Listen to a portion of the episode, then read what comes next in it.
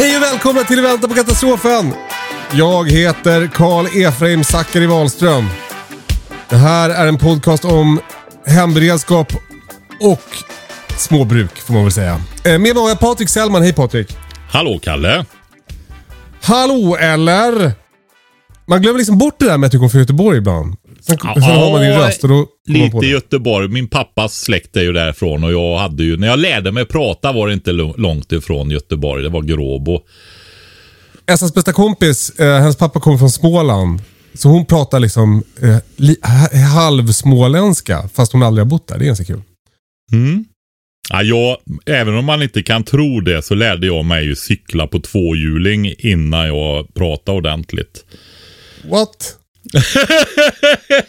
alltså jag var ju ganska gammal när jag lärde mig att prata. Du Patrik, nu när du nämner cykla, då vill jag att du berättar om riskerna med att cykla. Jaha. Jo, men alltså, just det. Vi pratade i förra veckan, eller om det var veckan innan, om konservering.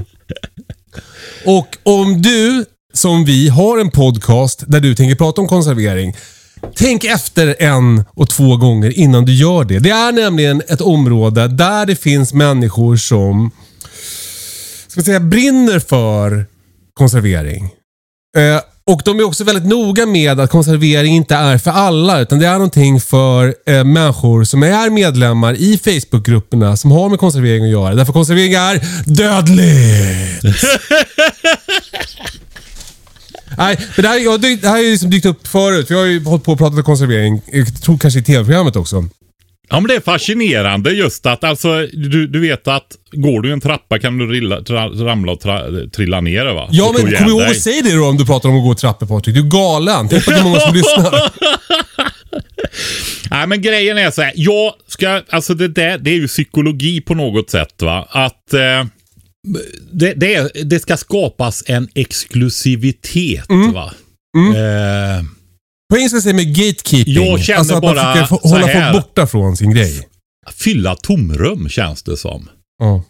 Genom att skapa något. Det, sker ju på flera områden. Alltså, det är ju på olika sätt då, men just det här med konservering är ju ett sånt ställe. va. Alltså, och grejen är så här. Jag har ju hållit på med biodling i, som ett, ett av mina tioårsprojekt. Eh, och jag har ju jobbat mycket på internet. Framförallt i Facebookgrupp där då. Va? Eh, alltså vi har ju en kategori människor med som, som om vi tar parallellen till bin då, aldrig har haft bin.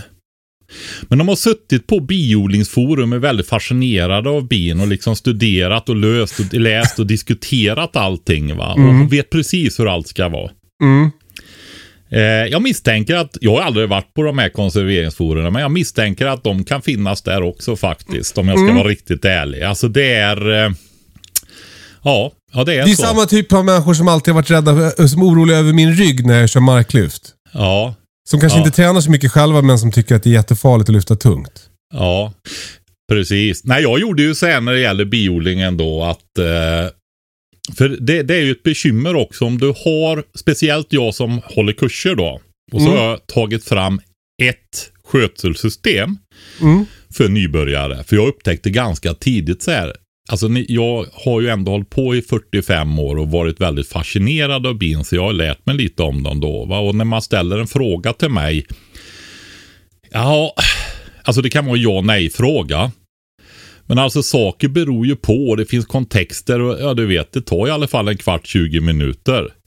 Ja. Ja, och de är ju bara mer förvirrade efteråt nästan många gånger. Mm. Nej, men jag insåg tidigt, jag måste ta fram ett skötselsystem så att de har något att utgå ifrån efterhand som de bygger och vara tydlig med att det här är en karta. Och när verkligheten och kartan inte stämmer överens, då är det verkligheten som gäller. Och att det här är ett sätt och det går att göra på många, många olika sätt, men att det är ett sätt för att ni ska ha något att utgå ifrån. Alltså var börjar jag typ va? Eh, och så utgår det från biernas årsrytm. Men eh, du vet, då ställer ju de frågor och sånt där. Och eh, då får de ju 14 olika svar. Där i forumet dessutom då. Och då ja, gjorde jag helt enkelt så att jag gjorde ett eget supportforum till mina kunder. Där de kan gå in, läsa, det blev en frågor och svar i princip. Och där är det inget diskussionsforum utan det är jag, den som är nyfiken på vad jag ska svara. Vill man diskutera så finns det en uppsjö av forum då. Man frågar mig. Man kan diskutera med mig. Men det var just för att folk inte skulle få den här förvirringen då. Va? Ja. Så, så fick jag lösa det där då. Men just det här med Åh, det är vissa grejer som triggar folk även där då va. Vadå till Du, exempel? nej, men jag kommer inte ihåg, men du måste göra på ett visst sätt. Mm. Ja. Och vi fick ju en fråga om det, så jag, jag tycker du kan ta upp den i samband med det här också. Vilken fråga var det? Vilken fråga var det, Kalle? Det är den som är längst upp bland alla frågor. I, Ida Karlsson, konserveringstankar. Jag blev ri, livrädd, började med. Ja, men jag har inte fått... Det i den. Här kommer lite reklam medan vi letar efter eh, rätt mail. ja! Here's a cool fact a crocodile can't stick out its tongue. Another cool fact you can get short term health insurance for a month or just under a year in some states. United Healthcare short term insurance plans are designed for people who are between jobs, coming off their parents' plan, or turning a side hustle into a full time gig. Underwritten by Golden Rule Insurance Company, they offer flexible, budget friendly coverage with access to a nationwide network of doctors and hospitals. Get more cool facts about United Healthcare short term plans at uh1.com. There's never been a faster or easier way to start your weight loss journey than with PlushCare. PlushCare accepts most insurance plans and gives you online access to board-certified physicians who can prescribe FDA-approved weight loss medications like Wigovi and Zepbound for those who qualify. Take charge of your health and speak with a board-certified physician about a weight loss plan that's right for you. Get started today at plushcare.com slash weight loss. That's plushcare.com slash weight loss. plushcare.com slash weight loss. Nu är vi tillbaka. Eh, För er som är less på reklamen, vi håller på att jobba på det här med en prenumerationstjänst så ni ska slippa den. Eh, Men det, jag fastnade lite på att jag måste skriva någon slags text. Eh, Och det är som det är. Men vi, vi jobbar på. Mm. Ja, det, det, det är uppenbart att det är väldigt många människor som bryr sig väldigt, väldigt mycket om konservering och tycker att det är deras och noga. Och det här har ju då skrämt upp vissa av våra lyssnare och följare. Bland annat Ida Karlsson har mejlat. Hon skriver så här. Jag har två frågor om kons- kokkonservering. Jag blev livrädd för att konservera tomater när jag googlade och läste på Facebook. Jag såg Kalles video när han gjorde vanlig jävla tomatsås. Tänkte att så ska jag göra. Men så efter att ha skrivit i en grupp på Facebook blev jag idiotförklarad av anledningarna. Botulism! Konservera inte med skal på. Man måste göra riktig marinarasås annars blir den besk etc. Så nu undrar jag, är jag helt knäpp om jag slängt in tomaterna i ugnen, sen mixat dem och slängt ner dem i mina dyra eh, Weck-burkar? Weck? Eh, och sen konserverat. Jag kan lyfta locket ut- utan att det släpper. Enligt Facebook är det bara att slänga. Kalle! Ja. Du gör skitsås du. Att du inte skäms. Att jag inte skäms. ja, det är helt sjukt. Eh, men jag ska säga då, det här med skalen på. När man köper konserverade tomater i butik, då är ju de utan skal. Eh, den processen kan man ju eh, eh, det kan man göra genom att koka tomaterna först och sen peta bort skalet. Men det skiter jag i. För att jag tycker att det är för jobbigt. Så att jag mixar istället och det går jättebra. Det blir inte bäst. Det blir toppen. Så... Alltså anledningen med skalen där, Kalle, det är ju egentligen att eh, historiskt har man ju gjort så. För man, och man har inte haft de här eh, fina mixerstavarna och, och mixerburkarna som vi har nu för tiden. Utan det har alltid blivit, vet du, de här skalbitarna ja. som rullar ihop sig och så vidare. Om Ja, är- och de är inte så goda. De är som Nej, lite de är pappriga. besvärliga på något sätt. Va? Men mixar du. Eh, det där kunde man lösa om man ville ha med skalen genom att skala och sen torka skalen. Och så mosade man dem, alltså pulveriserade de torkade skalen och, och la i nästa batch. va. Okej. Alltså det är ju saker... Eh, alltså jag har en parallell. Vi pratade ju biodling lite förut. Och det är så här. En grej, du frågade om en grej. Nej men alltså du vet att man måste ympa honung. Annars blir den bara grovkristalliserad. Mm. Och det där med ympningen var alltså att man la i väldigt finkristalliserad honung i en större mängd. Ympade in fina kristaller. Det där kom på 90-talet. Okej. Och det var ju ett rationellt sätt att snabbt kristallisera, framförallt när det började bli mer och större yrkesbiodlingar då. Va? Och det där Ja. Var det också på 90-talet man började med honung eller? Ja, och innan dess hade man bara sån här grusig rokristalliserad honung. Man hade inte ens honung. Man hade inte kommit på den. Nej, men det blir liksom så här att... exakt. Det är väl ett av de äldsta livsmedlen som finns. Nej, men liksom du vet, det blir så här att det ändras efter vägen. va? Och till Mm. slut när de utbildar de unga på biodlingskurserna så säger de så. Alltså innan det här med ympningen, då eh, rörde man honungen. Mm. Och konsten där, det var att för när du rör honungen då, när det blir mer och mer kristaller, det är ju egentligen, egentligen ut som sirap när den är nyskördad. Men sen bildas kristaller. Mm. Och så blir det det här som är affären då, som har kristallstruktur då. Eh, och när du Ja, när rör... honungen är ny så är den ju som, eh, som flytande honung. Alltså rinnig. Ja, som sirap i princip.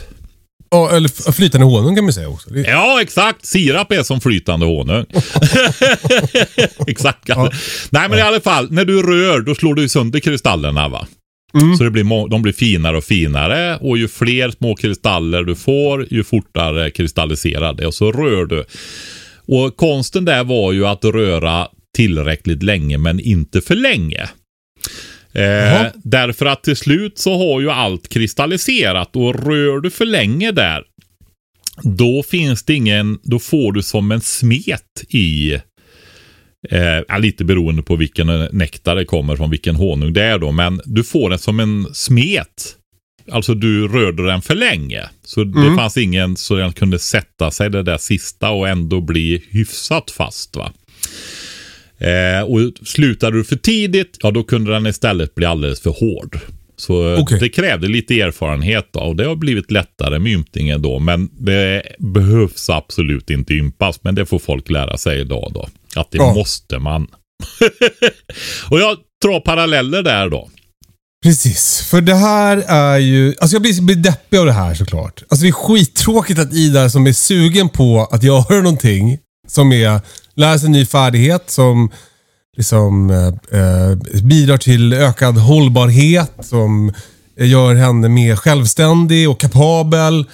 Och så bara tappar hon sugen av att det är så jävla strängt på internet. Det, Man kan säga att de, de jobbar åt förstöraren helt enkelt.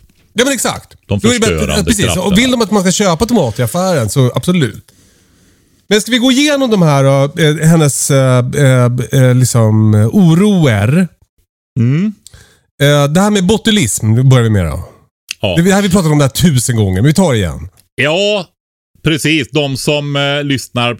Alltså jag ju för, men en del har ju våran podd och somnar till Kalle, det vet du va? Ja, det, nu är det dags. Nu kommer de att Ja.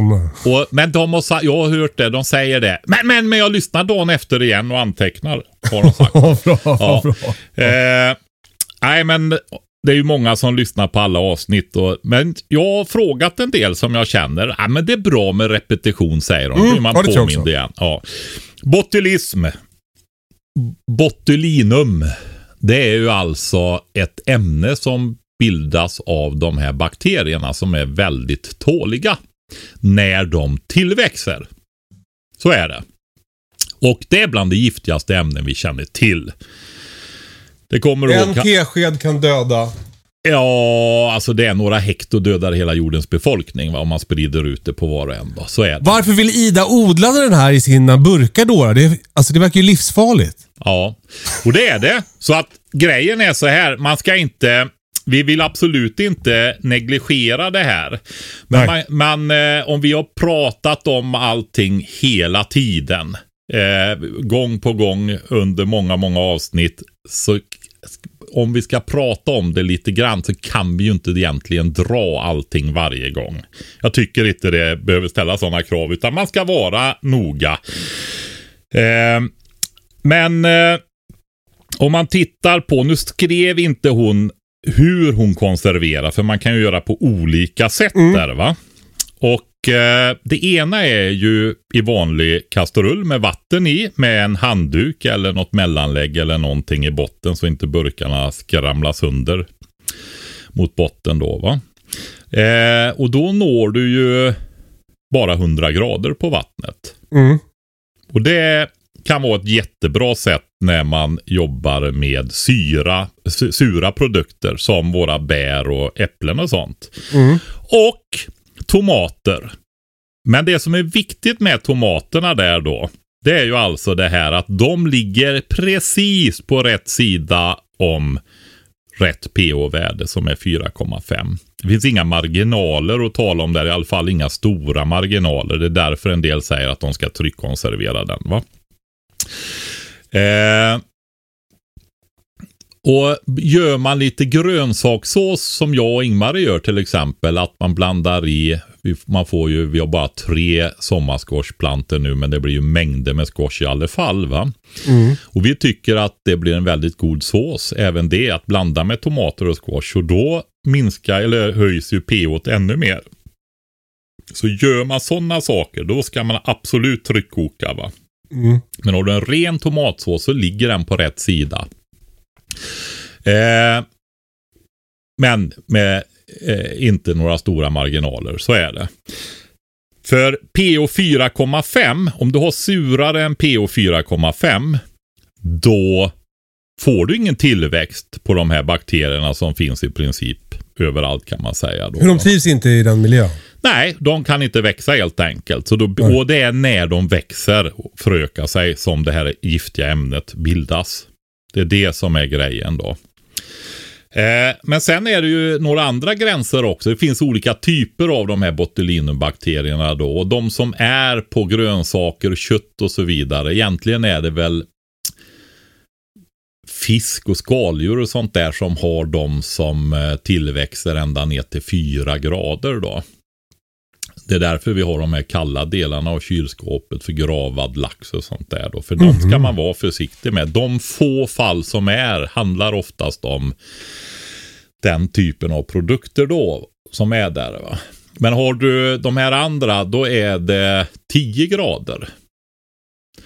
Och det är ju därför man förr hade konservburkarna i jordkällaren. Ja.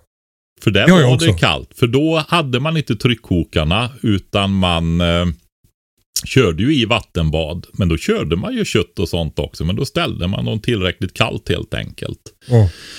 Eh, vill du ha dem i varmare temperatur, ja men då ska du tryckkoka dem helt enkelt. För när du tryckkokar dem, då tillräckligt länge, då kommer du upp i 120 grader. Och då kan du döda de här bakterierna. Då finns de inte där. Helt enkelt. Det är lugnt. Då är det lugnt. Då kan den stå i, i rumstemperatur i princip. Den där det som händer då är, det är ju att det, dels dödas alla bakterier och sen så blir det ett vakuum i burken så att inga nya bakterier kommer in. Mm. Eh, och då är det lugnt. Ja, men då har vi här. Vi har pH-värdet som är centralt. Alltså Vi måste du- säga om pH-värdet bara. Då, vi pratade ju förra gången om lackmuspapper. Det var ju någon lyssnare som hörde av sig om att man kunde göra samma sak med rödkål. Ja, det var ju det? spännande. Verkligen. Men jag måste ändå eh, säga en sak där också. Eftersom vi pratar om det. Jag vill förtydliga det. Alltså det finns, eh, för det var ju det med kolen med. Jag har inte gett feedback på den. Det är just det här när du får 0 till 14 va. Alltså eh, suraste sura i princip till mest basiska då. Neutralt är ju 7 i mitten. Mm. Och den är, eh, det är 10 potenser på den. Så varje steg är ju 10 gånger mer vätejoner när det blir surare. Va? Så steget mellan 4 och 5 det är 10 gångers skillnad då. Och så vidare varje steg. Så två... Ida, det här behöver man inte kunna för att få konservera bara så du vet. Nej, Nej. Ja, jag vill bara säga att det är väldigt stor skillnad mellan eh, Alltså det är ju 100 gångers skillnad mellan 7 och 5. Okej. Ja. Ja, 7 är ju egentligen 0 då, men mellan 6 och 4 så är det 100 gångers skillnad. Så att det är Ja. stora skillnader. Ja. Eh, och då är det ju så här 4,5 är den livsmedelssäkra gränsen. Och då kanske man inte ska ha sånt här lackmuspapper som går mellan 0 och 14 med ett steg i taget. Eh, är det 4,6 eller är det 4,4? är ju intressant. Förstår du? Man be- Då finns det speciella sådana här remsor som man kan doppa om man vill göra noga och vara säker. För Det är ju för de som vill när man är nybörjare, otrygg och så vidare och inte har koll riktigt. Så det är bättre att köpa en som ligger just där kring det här intervallet då va. Alltså typ eh, fattar. 3,5 till 4,8 eller något sånt där. Just det. Mm, så är det. Så att vi har de här grejerna, summerar i alla fall då. Vi har lagringstemperaturen. Alltså du vet det här, vi har ju våra frysboxar idag. Ingen kan detta längre för alla bara Mm. slänger i frysboxen och behöver ingen bry sig för det är tillräckligt kallt. Då händer inget. Nej, Eller hur? då är det lugnt. Ja, och de där grän gränserna som är uppåt då. Det är 10 plusgrader för den ena typen. Kött och grönsaker typ. Som inte är sura då va. Eh, och sen är det fyra när det gäller mer vattenbaserade livsmedel då. Så, så det är pH där. Eh, och sen har vi ju nästa grej då. Det är att man dödar och då är det tryckkokning för då kan man höja temperaturen på vätskan till 120 grader och då ska det ske en viss tid för att då avdödar du de här så att då kan de ju inte växa heller va. Och det är det här That's- som är den här eh, så olika tabellerna som vi pratar om, som finns på en amerikansk hälsodepartements hemsida. Ja, Eh, Där det står, eh, beroende på hur högt över havet du bor och hur stor burk du har i din konserveringsapparat eller tryckkokare, så ska du köra olika länge. Mm. Så för mig, honungsburk för mig, då, då ska jag köra eh, så att jag ser två ringar på säkerhetsventilen på min tryckkokare. Den säger alltså till när det är 120 grader. Eh, jag ska hålla de två ringarna i 45 minuter för en honungsburk. Då är, jag safe. Om jag minns Ja. rätt. Ja, så är det. Kan variera lite med olika livsmedel och storlek på livsmedlen i burken och så vidare Ja. också. Du vet, är det stora bitar kött så ska det hinna tränga in i och så vidare. Va? Men Ja. eh, det finns tabeller för det. Ja. Och när det gäller tomatsåser och sådär så är det inte så mycket att fundera på. Det är en sås och då är det ju de här 45 minuterna för en sån 540 Ja, en halvliters burk. Eh, men summeringen där då. Eh, så vill jag säga att det finns ju en sista grej också. Och det är ju vid tillagningen. Det här giftet då som är så fasansfullt giftigt. Det förstörs ju om du värmer upp maten till 85 grader i 6 minuter. Då har du med marginal förstört det här giftet. Så du har men, men, men, men. Ja, nu förstår jag inte. Varför dör det vid 85 grader vid tillagning men inte vid konservering? Det är giftet. Nu pratar vi giftet. Alltså har, Ja. du, har det blivit, blev det för varmt Ja, ja, ja. vid förvaringen giftet så att de började växa så bakterierna. det bildades lite gift. Det är giftet som förstörs, inte bakterierna. Taget. Ja, Just det. Så, så om du bara inte äter tomatsåsen rå sen så är det förmodligen lugnt. mm. Det är så. Eh, ja, nu, det, det är ju så här som du vet, det, det är ju, man märker ju att det triggar då va. Skojar du? Ja, men alltså håller man på med konserver på olika sätt. Mm. Eh, är det en tät konserv som man vet är riktig. Eh, köpta konserver eh, kan man ju oftast verkligen lita på. Och de inte är skadade i burken. Är det minsta skada eller man misstänker spricka eller någonting i en plåtkonservburk till exempel. Vad slänger Alltså, ja, eller koka den ordentligt om den inte luktar och smakar illa egentligen. Alltså i nödsituation. Nu vi är ett det. beredskapspodd va. När man Mm, svälter och hittar, då, om du, då har du ju det här 85 grader i 6 minuter. Då, då kokar du den ordentligt i alla fall i en halvtimme va. Så är du ju på... Förstår du hur jag menar? Ja. Man kanske inte behöver äta den, jag menar så dyr är den inte. Men om det inte finns någon mat att tala om va, så, så har man det där med tillagningen som förstör giftet också. Så det är Perfekt. inte botulinubakterierna i sig, för de finns mer eller mindre överallt. Just det. Utan det är när de växer som det här giftet bildas. Och det gör de i syrefattiga miljöer, visst är det så? Ja men precis, alltså, eh, alltså där det finns ont om luft egentligen. Ja. Men okej, okay. och det här med att den blir bäsk då, som Ida skriver om. Ja, men alltså, det var det jag trodde som var det här med att det byggs på.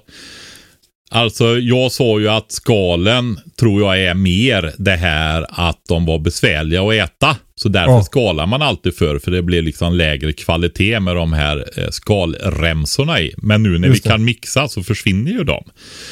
Eh, och då har det där eh, ägnats över då. Alltså, jag kan väl säga så här. Jag har ju vänner som har helt otroliga smaksinnen. Min son till exempel. Han har väldigt bra doft och eh, smaksinne då. Va? Det hänger Ja. ihop. Så han eh, kan ju känna mycket små nyanser i saker och ting då va. Jag har ju märkt att det gäller ju gravida kvinnor också till exempel. Kan, Jag kan det vara så det att din son är gravid? Ja, men om de är, jag tror att det är för att de ska bli extra skärpta. Eh, just för att skydda barnet. För det är ju med Ja, de det alltså, det- sinnena som vi lokaliserar om mat är skämd eller dålig och så vidare. Va? Det känns, tycker jag känns själv, självklart att det är så. Att de Ja, måste ha koll så att de inte blir skadade. Ja, en del har kvar det efteråt också, att de upplever att de har starka sinnen. Men jag tror att det kan gå tillbaka och att det är lägre innan för att de inte ska bli... Alltså det blir rätt störigt för en människa att ha supersinnen. Du får för mycket intryck helt enkelt. Du kan ju knappt röra dig ute när du känner alla dofter. Nej. Hålla sig hemma. Vi som har haft eh, levt ihop med gravida kvinnor, vi vet. Mm. Alltså det, det är nästan mer, det är mer känslor där än det är på konserveringsforum på Facebook. Men inte mycket. Nej. Precis. Men Ja. tycker du att vi klargjorde då? Ja, men idag har vi fråga till. Om konservering? Ja, hon har gjort lingonsylt också. Just det. Hon kokade lingonsylt, kokkonserverade. Jag blir lite nervös här att hon säger kokkonserverade, för jag vill säga att hon ska tryckkonservera. Uh, Ja, men Hon- lingon behöver du ju inte nej, precis. Men hon, vet annat, hon skrev också så här, och jag kan lyfta i locket utan att det släpper. Det är inte heller ett tecken på att det är klart. Liksom. Eh, eh, Nej, men det är Ida. ett tecken på att burken är tät. Ja. Det är det det är. Det är, det är ju därför folk håller på och det är ju därför du är en idiot om du inte har väckburkar och så vidare. Men vi vet ju att vi kan se om locket buktar in och vi kan knacka på det och höra om det är tätt. ja. Eh, hur som helst, Ida har i alla fall gjort eh, eh, lingonsylt. Hade i syltsocker men tog mindre än jag brukar för det, blir så, jä- för det brukar bli så jäkla sött. Nu blir det för jäkla surt. Kan jag koka om det eller ska jag äta sur sylt? Säger Ida. Ja, det går att koka om. Men alltså just lingon då är ju en sorts fantastiskt bär på det viset att det är ju redan konserverat. Nu kommer inte jag ihåg, men det är ju en form av benzoat naturligt i lingon. Jag kommer inte riktigt ihåg vilken typ det är, men du vet natriumbenzoat, det är en av de här fruktansvärda E-ämnena som kan vara konserveringsämnen i. Ja. Det, det, det finns ju naturligt i lingon då va? Berätta inte om det här på Facebook. Man går inte att äta lingon längre då. Nej, nu ämnen sjönk i. efterfrågan på lingonsylt. Men du får fråga, är, eh, om jag nu gör lingonsylt, ska jag ställa den vad fan som helst då för att det är så, det är det ämnet och det är så surt? Kommer inte att jäsa? Eh, benzoatet eh, skyddar ju, alltså när det gäller det här med frukt och bär då, då är det ju mer gästsvampar och mögelsvampar och sådana saker som förstör. Ja. Eh, det är ju Så därför rent man botulinummässigt eh, är det lugnt? konservera det, sånt då va. Alltså Ja. det, då har vi ju det här med att du har häl- förvärmda burkar som är steriliserade så att de här svamparna är förstörda och sen häller vi i den varma sylten eller saften i flaskan då va. Och då är ju det steriliserat och så försluter vi den. Och när det gäller burkarna så ställer vi dem upp och ner så att locket också får den här varma syltmassan eller marmeladen eller gelén på sig. Just det. Eh, och då finns inte mögel där. Botulinumen kan inte växa för det är ju surare än 4,5. Så det är, inte, det, det är inte problemet när vi håller på med bär och frukter då, utan det, det är ju mögel och jäst då. Men just då när det gäller lingon, alltså förr förvara hade man ju lingon, lingonvatten, alltså du bara lät dem ligga i vatten så att de inte torkade. Jaha. Du kan lägga dem direkt i va och eh, just när det gäller sötningen här då för att det är ju lite speciellt. Alltså många gör ju så här att de kokar ingen sylt. Utan de gör rårörda lingon och sötar till önskad mängd. Så är jag. Mm. Så det är lite svaret på hennes fråga. Du kan söta och hålla på som du vill. Ju mer du kokar, ju mer skadar du ju känsliga vitaminer och sånt i, i bäret då. Så att eh, det här med jag rårör- rårör för att lingon känns ju som det nyttigaste som finns. Om de växte liksom på andra sidan jorden så skulle vi köpa dem för 900 kronor kilot. Ja, men typ så. Typ så. Det är som jag brukar säga. Vi kanske ska börja göra svarta vinbärsjuice här Ingmarie och sälja för 1500 kronor litern på andra sidan jordklotet. Liksom berätta om våran terroir här va med de här mineralrika jordarna och hyperitberggrunden här och ljuset och värmen som är unikt här i Skandinavien tack vare Golfströmmen och de här fantastiska bären. Ja, du hör ju. Och, mid, och att det är mid, vad heter det? midnattssolen som, Ja, som laddar bären med Fast det är inte riktigt sant för det är ju lite längre upp. Men vi kan säga strax under polcirkeln och midnattssolens land Mm. säger vi. Eh, men jag, eh, en miss som jag verkar göra då är att jag har mina lingon i frysen tills det är dags att råröra dem. Och sen så rör jag, rör jag en burk och sen använder jag upp den och så gör jag en ny. Men då skulle jag alltså kunna ha dem bara typ i fickorna lika gärna. I fickorna. Alltså, Nej men alltså jag, fickorna. jag ska vara ärlig och säga att jag har inte hållit på själv med vattenlingon. Jag vet bara att de la dem i vatten för att de skulle hålla sig bra.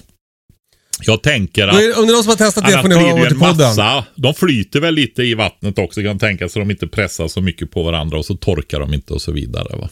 Du, apropå det. Jag har en fråga alltså, som rör mina egna grejer. Mm. Jag håller på med mjölksyra chili Ja, eh, i ett sånt här eh, eh, speciellt kärl. ett lerkärl eller plastkärl Ja, eller? keramikkärl. Okej, med vattenlås på. Med vattenlås. Det är nu mögel i vattenlåset. Mm. Eh, är det något dåligt eller ska jag göra något? Ja, du kan ju lyfta av locket och göra rent helt enkelt och fylla på nytt vatten. Och det förstörs inte om jag öppnar upp det och då kommer in Alltså- bakterier. Har det bubblat i vattenlåset? Ja. Ja, vad bra. Då är det ju en jäsningsprocess som pågår där inne och då bildas ju mjölksyra och koldioxid. Ja. Och koldioxid är ju tyngre än luft. Ja. Och det gör ju det att det hamnar ju närmast ytan längst ner. Och luften är ovanför. Så när det fylls på med koldioxid så trycker det ju syret upp och ut. Ja. Så det innebär att det finns ju inget syre i burken utan det är ju fyllt av koldioxid där inne. Va? Aha, aha. Så när du lyfter av där så är det ingen fara. Du får ju bara vara försiktig. Så att, ja men alltså du vill ju inte ha ner grejer i det där så att det börjar mögla och så vidare. Och då kan du, när du gör det så kan du passa på att titta om det har bildats något mögel på ytan. För det gör det lätt. Man brukar ju ha en vikt på så att alla växtdelarna som man syrar är under vattenytan då. Men det kan bli lite vitt mögel och sådär. Då tar du, de, det brukar sitta ihop lite filtat så då lyfter du bara av det. Okej. Det är inte någon fara. Bra. Det kan påverka smak däremot så att ta bort det om du ser det. Fixa det. Tack Mm. för det. Eh, Jag hoppas det är svar på dina frågor också Ida. Uh, kör på med tomatsåsen. Och det, det här med att slänga verkar dumt. Det är bättre att du eh, smakar på din sås och, och eh, kollar om den är besk. Mm. Eh, eller om den är god. Eh, och sen när du eh, eh, tillagar den så är eh, tomatsåsens bästa vän är lite balsamvinäger, en nypa socker och jag brukar ha lite, här är min hemliga ingrediens, lite fisksås i.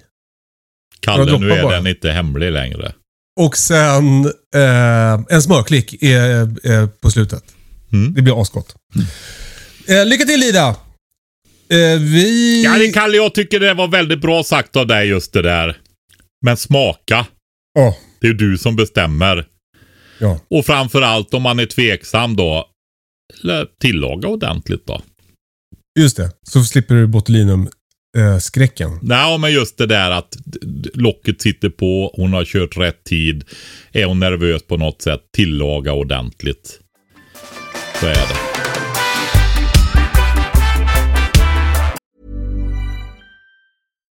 If you're looking for plump lips that last, you need to know about Juvederm lip fillers. With Juvederm Volbella XC and Juvederm Ultra XC, your lip look, whether it's subtle or bold, can last up to one full year with optimal treatment and no additional maintenance. Find a licensed specialist and see if it's right for you at juvederm.com today. That's J U V E D E R M.com. Add fullness to lips in adults over 21 with Juvederm Volbella XC or Juvederm Ultra XC. Do not use if you have severe allergies or a history of severe allergic reactions, or if you're allergic to lidocaine or the proteins used in Juvederm. Tell your doctor if you have a history of scarring or taking medicines that decrease the body's immune response or that can prolong bleeding. Common side effects include injection site redness, swelling, pain, tenderness, firmness, lumps, bumps, bruising, discoloration, or itching. As with all fillers, there's a rare risk of unintentional injection into a blood vessel, which can cause vision abnormalities, blindness, stroke, temporary scabs, or scarring. For full important safety information, visit juvederm.com.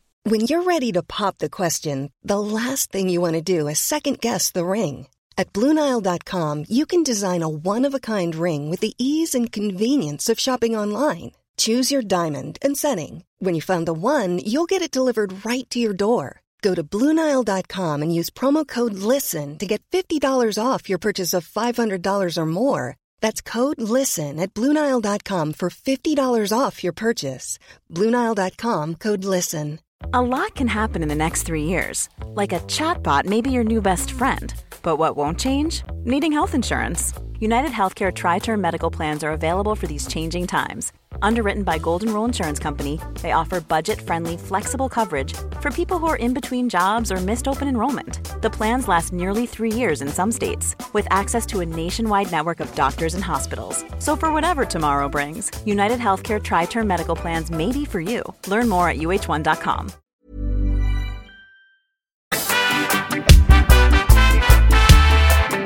nästa fråga kommer från Johannes. Han skriver så här. Eh, tack för podden. Tack själv Johannes. Eh, han bor på en ort eh, med cirka 40 000 invånare och nu ska de lägga ner akutmottagningen vilket gör att det är ungefär en timme till närmsta akutmottagning, Skövde. Hur ska vi förbereda oss? Vad ska vi göra hemma? Hjälp oss att rädda liv för folk kommer att dö på grund av nedläggningen. Tackar och bockar. Ja. Eh, alltså det är ju märkligt ändå hela tiden detta. Vet du. En befolkning som jobbar flera miljoner människor och produktiviteten ökar och alltihopa det här.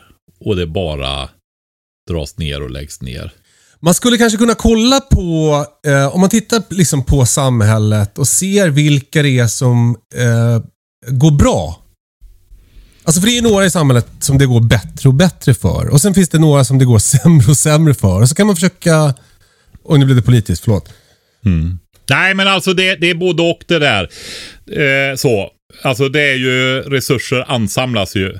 De rikaste rika har ju aldrig varit rikare ännu. Eller man kan säga så här, skillnaden mellan vanligt folk och de rikaste rika. Nu pratar jag inte om duktiga entreprenörer eller någonting som skapar mycket bra för människor och så, utan de riktigt storägarna då. Men samtidigt så är ju båda mina föräldrar sjuka nu och jag har ju kontakt med sjukvården. Ja. Alltså, min mor då som åkte in akut nu, hon eh, skulle till korttidsboende.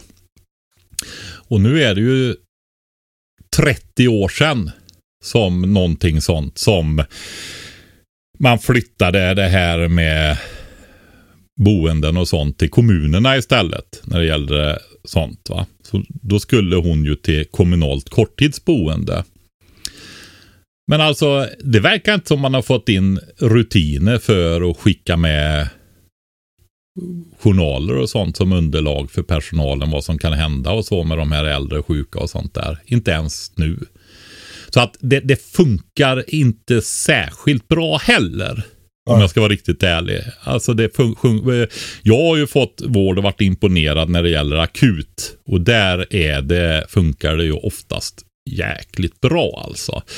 Men sånt här, nej. Att de får hålla på. Rent ut sagt. Alltså det, det, är, det finns det är ansvariga chefer och sånt där. Alltså det får inte vara så jävla dåligt som det är. va. Det får inte det. Men det bara tillåts decennium efter decennium.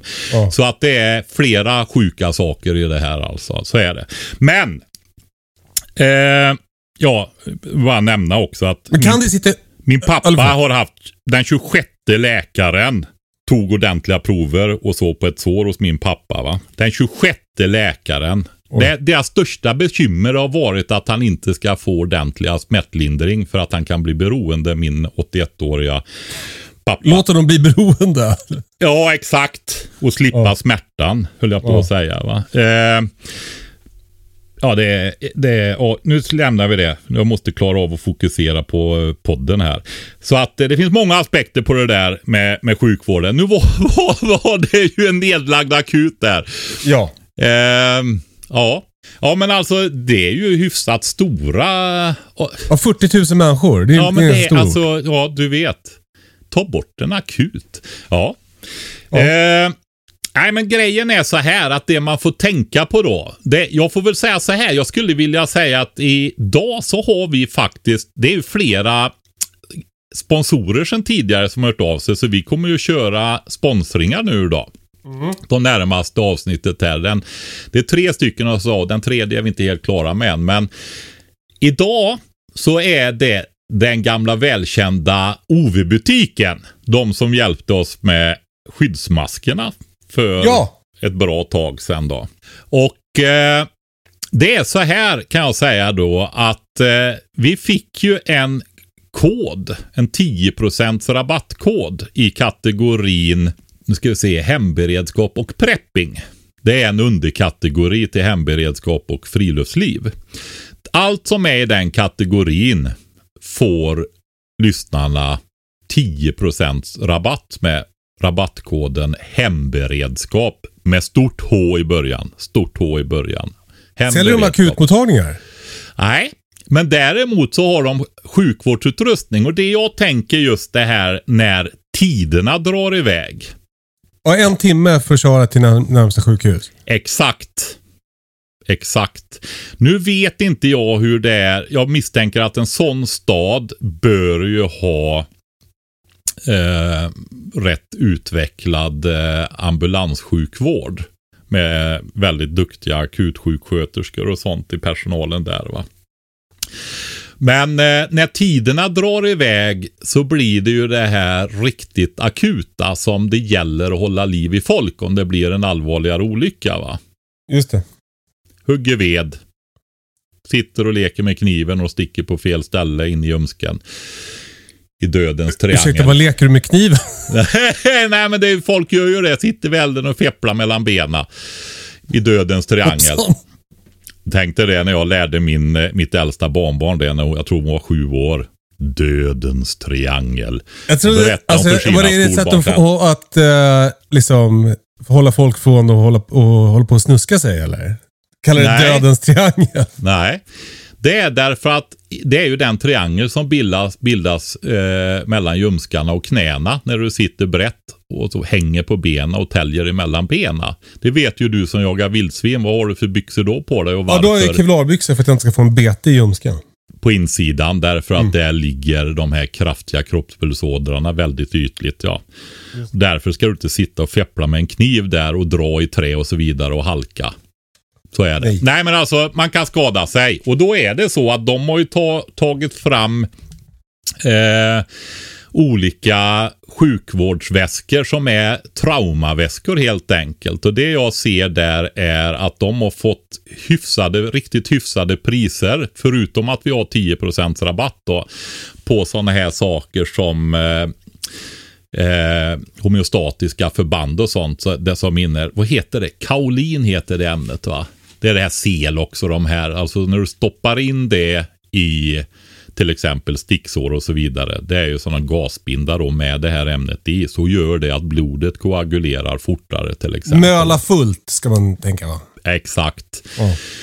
Eh, och sen är det ju tourniqueter och vanliga första förband, kraftigare sådana och sånt som är i där då. Förutom mer gasbinda som är sånt som man kan stoppa i hål. Va? Det kan ju vara jaktolyckor och liknande också i så fall. Va? Så sådana grejer kan man ju tänka på. Och det gäller ju generellt. Jag har ju sånt här. Därför det tar ju lång tid för ambulansen att komma hit också. Mm.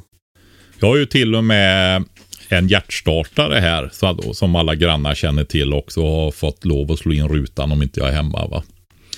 Så de vet var den finns. Eh, det borde ju finnas i alla småbyar hjärtstartare. Det är en typisk sån där, gå ihop i byalaget och köp en hjärtstartare.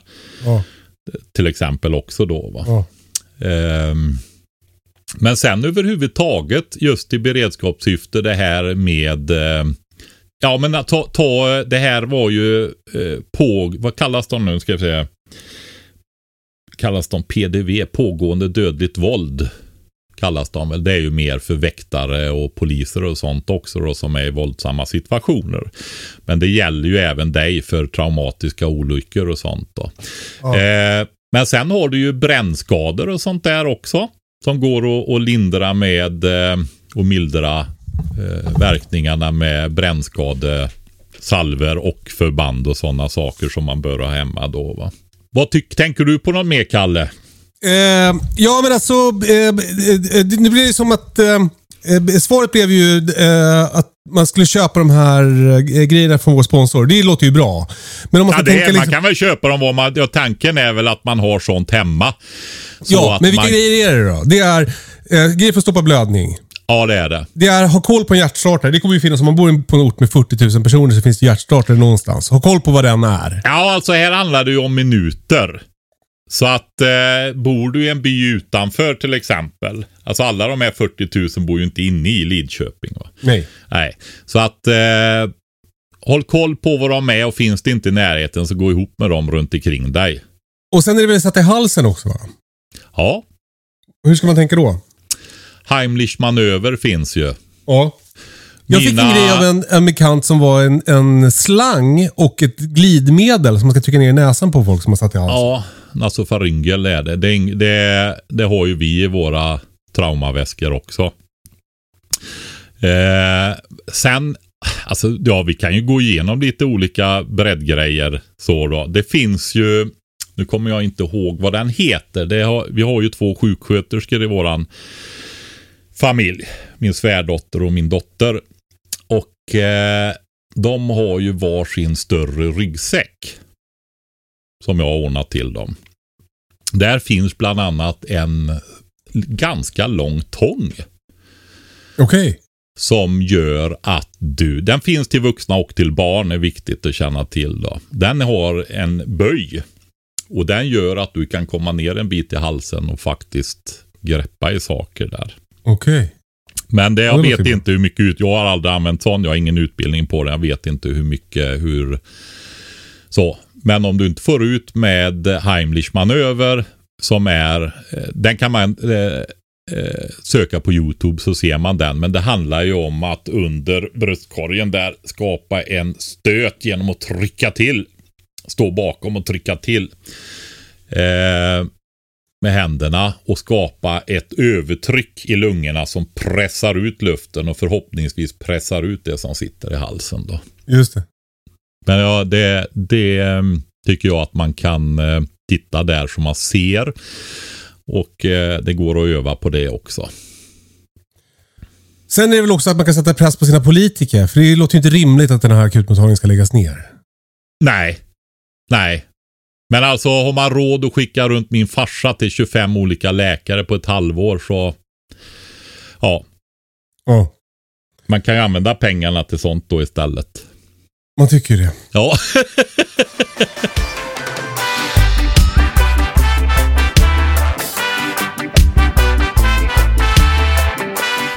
Patrik, det var något mer om OV-butiken. Ja! De har ju... Alltså jag får ju ofta den här frågan hur ska jag göra i lägenhet om jag behöver koka vatten och sånt där. Man får ju inte lagra speciellt mycket gasol och, och ehm, rödsprit, alltså brandfarliga ämnen i flerfamiljsbostäder. Nej. Men det, då finns ju det här med ved. Det finns ju väl, ofta väldigt mycket av i skog till exempel. Ja, kanske inte in i trapphuset på ett lä sådär vidare. Men grejen är ju så här att på granngården och liknande ställen, jag tror på de flesta bygghandlar och sånt också, så finns det ju pellets. Mm. Och Det är ju likvärdigt med vilken gammal soffa som helst som man ställer ner i förrådet brandskyddsmässigt. Va? Alltså, nu vet inte jag om det har blivit några begränsningar just på det där. Men jag har svårt att se det. Alltså det är mycket brännbart material som samlas på ett ställe så att man kan väl tänka sig att det finns det. Men jag, jag tror inte det finns det. Så det innebär ju i så fall att du kan ju ha en hel del pellets i ett förråd. Alltså bränsle. Men det är ju sånt bränsle, gasol och, och rödsprit och sånt, det kan man ju elda med inne. Det blir ju inte sån rök på det va. Just det. Men det blir det ju när man eldar med kottar och pinnar och sånt. Ja. Så det är ju ett balkongkök då. Alltså i en nödsituation. Jag tror att det är restriktioner på balkonger också med grillar och öppna lågor och så vidare egentligen då. Så att det är ju ett extremt nödläge. Eller att man helt enkelt får gå ut på gården och ta med en gryta och koka då. Vad ska man elda pelletsen i då? Då finns det Alltså det finns ju små sådana här eh, friluftskök som vi kallar för kottkök då. Men de har ju inte så stor kapacitet. Hobo stove har jag hört också. Ja, det finns lite olika sådana där. Men så finns det en annan typ av kök som kallas för raketspis eller Ja. rocket stove på engelska om man vill hitta väldigt många träffar på Youtube och så vidare då. Ja. Och det går att bygga stora grejer och få jätteeffekter på de där. För vad som händer där är att du har en skorsten. Och så petar du in pinnarna eller veden långt ner. Och så har du spjällen där nere också. Det gör ju att när du har en skorsten så får du ett drag. Just det. Och du får ett väldigt sug i den här. Så det blir ju en låga som står rätt upp i den här skorstenen. Och där uppe har du ett kokkällställ då så du kan ställa. Så det liknar väldigt mycket ett gasolkök kan man säga. Att det blåser upp en låga under kastrullen då. Och då har OV-butiken tagit fram en sån raketspis som är mindre. Som är transportabel. Och jag tänker i, eh, och jag bad dem faktiskt igår eh, provälda den med pellet. Så de, vart, eh, de tyckte det var en väldigt bra idé kan jag säga. För att Åh, den e- ena av dem där, eh, Micke, han ha- eldade med pellet så han hade det hemma. Men testa det då sa jag så vi vet det när vi pratar om det. För vi vet ju att det funkar med flis och kottar och småpinnar och så vidare. Då. Men den här, jag har provat den själv i helgen också innan jag bestämde för att vi skulle, jag ville ju testa den innan vi skulle prata om den då. För det här är ett samarbete mellan oss och OV-butiken då får vi vara tydliga med också. Eh, och det som imponerade på mig det var stabiliteten. Eh, den är ju lite högre. Och eh, det innebär att man funderar ju på, oj då, om jag kokar vatten här uppe nu 35 centimeter upp i luften, eh, hur lätt välter det här Mm. på någon? Eh, men det var, jag varit väldigt imponerad av stabiliteten. Och då sitter det vältstödet med två vingmuttrar. Så att det är väldigt lätt att demontera också och stoppa in i raketspisen. Just för transportabel och det är en påse med och så vidare. Så jag skulle vilja säga kanske inte ryggsäckstorlek. Den är kraftig plåt. Eh, Men perfekt att ha hemma som större kokmöjlighet. Alltså extra kök ute. Mm. Koka vatten, laga, steka, alltihopa det här va. Eh, jättemöjligt. Det är ju de här som de skickar ner till Ukraina kan vi väl säga också. Som kaminer. Men det är inte kaminer som du kan ha inomhus. Det är jätteviktigt då i och med att inte är rökrör så rökgaserna går ut. Va? Utan det här är något, för den blir varm så du kan värma det runt den också. Eh, Men det är för utomhusvärmning i så fall då. Va? Mm. Eh, kanot. Eh, baskamp, eh, basecamp. Alltså Mm. basläger. Bilar och sådana saker. Helt perfekt att ta med. Så, Alltså det är ett friluftskök som, där du liksom aldrig får slut på bränsle. så kan man säga. Nackdelen går inte att elda inne. Just det. Där vinner rödsprit och gasol då. Eh, stora fördelen är att du har en effektiv förbränning. Går åt lite bränsle. Du, det blir nästan ingen rök. Får du igång den ordentligt med pellets och sådana grejer så är det, kan man nästan säga att den är rökfri. Va? För att det är, blir så bra förbränning. Mycket syre blåser ju på. va. Alltså det brinner även rökgaserna upp va? Ja, precis. Att det blir... Eh, jag tror testar du så är det väl inte fullständig förbränning men det är väl så nära du kan komma det där. När den är varm, när du börjar tända den innan du har fått upp draget och så vidare. Då ryker den ju som vilken eldstad som helst såklart. va. Så att, eh, men när den är igång då så funkar den väldigt, Vad kostar den då? Den kostar 13,95. Men Ja. använder du den där, den ligger ju i den här kategorin hemberedskap och prepping. Ah, Och då kan man eh, använda den där koden också. Hemberedskap med stort H i början. Så får du 10% till på den då. Gå in och titta på den på OV-butiken där så får du se om det är något som används. Jag har ju nämligen så sent som för, eh, ja, det är väl kanske något år sedan så hörde de av sig till mig. Med just de där frågorna. Hur, jag inser ju liksom att det här med att koka vatten om tiderna drar iväg och så vidare på det här. Just i lägenhet då. Det var det första jag tänkte på när de frågade mig om den här Ja. spisen, vad jag tyckte om den. Då tänkte jag just det. Där är den. Den är ju givetvis lämplig på andra ställen också som extra källa för kokning och sådana saker då. Riktigt rejäl faktiskt. kul! Mm. Tack Ove Butiken och eh, vi ska avsluta podden idag med en riktig solskenshistoria Patrik. Ja. Eh, och det är ju mina äppelträd. Ja! För i våras så var du här och... Eh, Massakrera sig som det är nu Kalle. Massakrera. Alltså det var så... Alltså det var hemskt.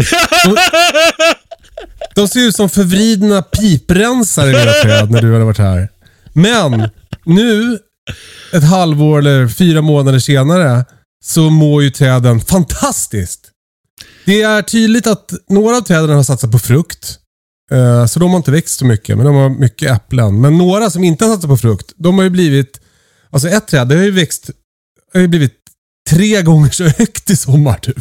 Helt sjukt. Men har de skickat mycket nya grenar då? För det var ju det vi ville. För det var ju fel grenvinklar. Det var skadade. De satt på fel plats. Eh, det var en katastrof. Ja, de var ju en katastrof innan och så var det ju ett sätt att försöka styra upp dem innan det blev för stora träd också. Va? Men då vill man det här med att de ger frukt. Det är egentligen inte bra.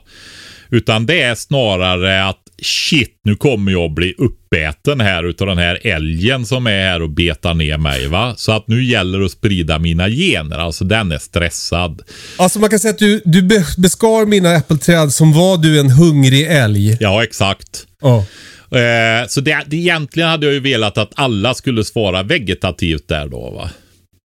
Så är det. Men då hade det varit bättre, tror jag, om man hade gjort det just när man beskar på vårvintern som man gjorde mycket förr när man hade tid då va.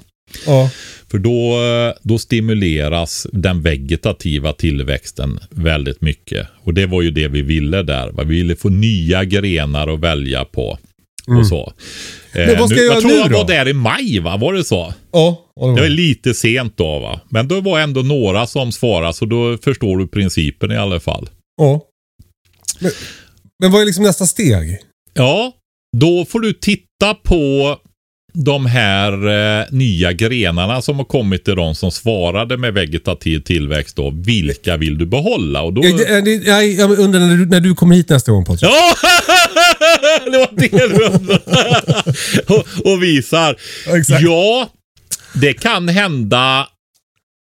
Alltså, ska jag vara riktigt ärlig, när det är så unga träd nu där så är ju det bästa faktiskt att köra vidare på. Alltså, de flesta, ja men det är ju JAS, det är ju JAS man ska beskära i. Ja, om man inte vill ha vegetativ tillväxt och så vidare på äldre träd som inte ska skjuta vattenskott och så vidare så är det ju juli, augusti, september. Men nu har vi unga träd som vi vill ha ut nya grenar på och så vidare. Alltså som vi vill ska växa och bli stora fina träd.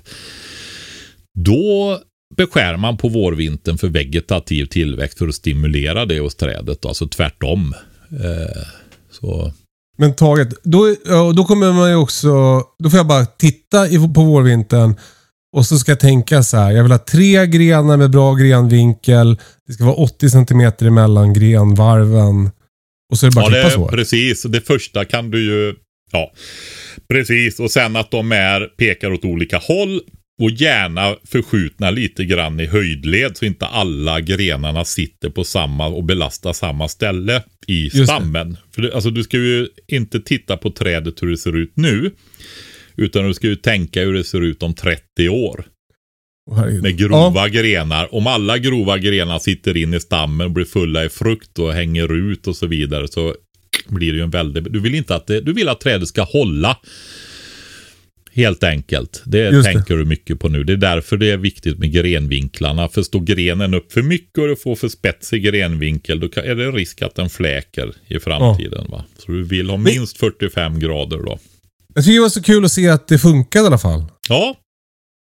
Ganska bra då får vi säga. Det, vi, hade vi gjort det i mars så eh, tror jag att alla hade svarat med vegetativ tillväxt. Eller i alla fall fler. Satan vad jag kommer gå loss med sekatören i mars. Ja, Kul! Du Patrik, stort tack för idag. Stort tack för att ni lyssnar på podden. Och eh, låt er inte skrämmas av det här med konservering. Det är kul och enkelt. Man måste bara fatta grunderna så går det eh, jättebra. Fortsätt mejla frågor. Hej katastrofen.se är adressen. Och säg, eh, vad var koden på OV-butiken Patrik? hemberedskap med stort H och det gäller allt i kategorin hemberedskap och prepping som är en underkategori i hemberedskap och friluftsliv. ovbutiken.se. Eh, och eh, ett förslag, ett tips från oss är ju den här raketspisen. Ja, Okej, då så. Ha det så bra. Hej då! Hej då!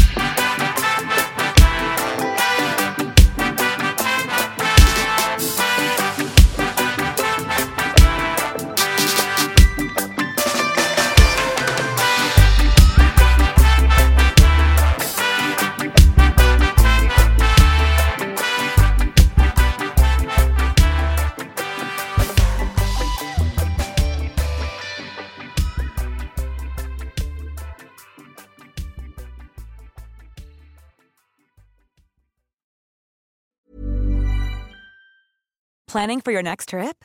Elevate your travel style with Quince. Quince has all the jet setting essentials you'll want for your next getaway, like European linen, premium luggage options, buttery soft Italian leather bags, and so much more. And is all priced at 50 to 80% less than similar brands. Plus, Quince only works with factories that use safe and ethical manufacturing practices. Pack your bags with high-quality essentials you'll be wearing for vacations to come with Quince. Go to quince.com slash pack for free shipping and 365-day returns. Mom deserves the best, and there's no better place to shop for Mother's Day than Whole Foods Market. They're your destination for unbeatable savings, from premium gifts to show-stopping flowers and irresistible desserts. Start by saving 33% with Prime on all body care and candles. Then get a 15-stem bunch of tulips for just $9.99 each with Prime. Round out Mom's menu with festive rosé, irresistible berry chantilly cake, and more special treats. Come celebrate Mother's Day at Whole Foods Market.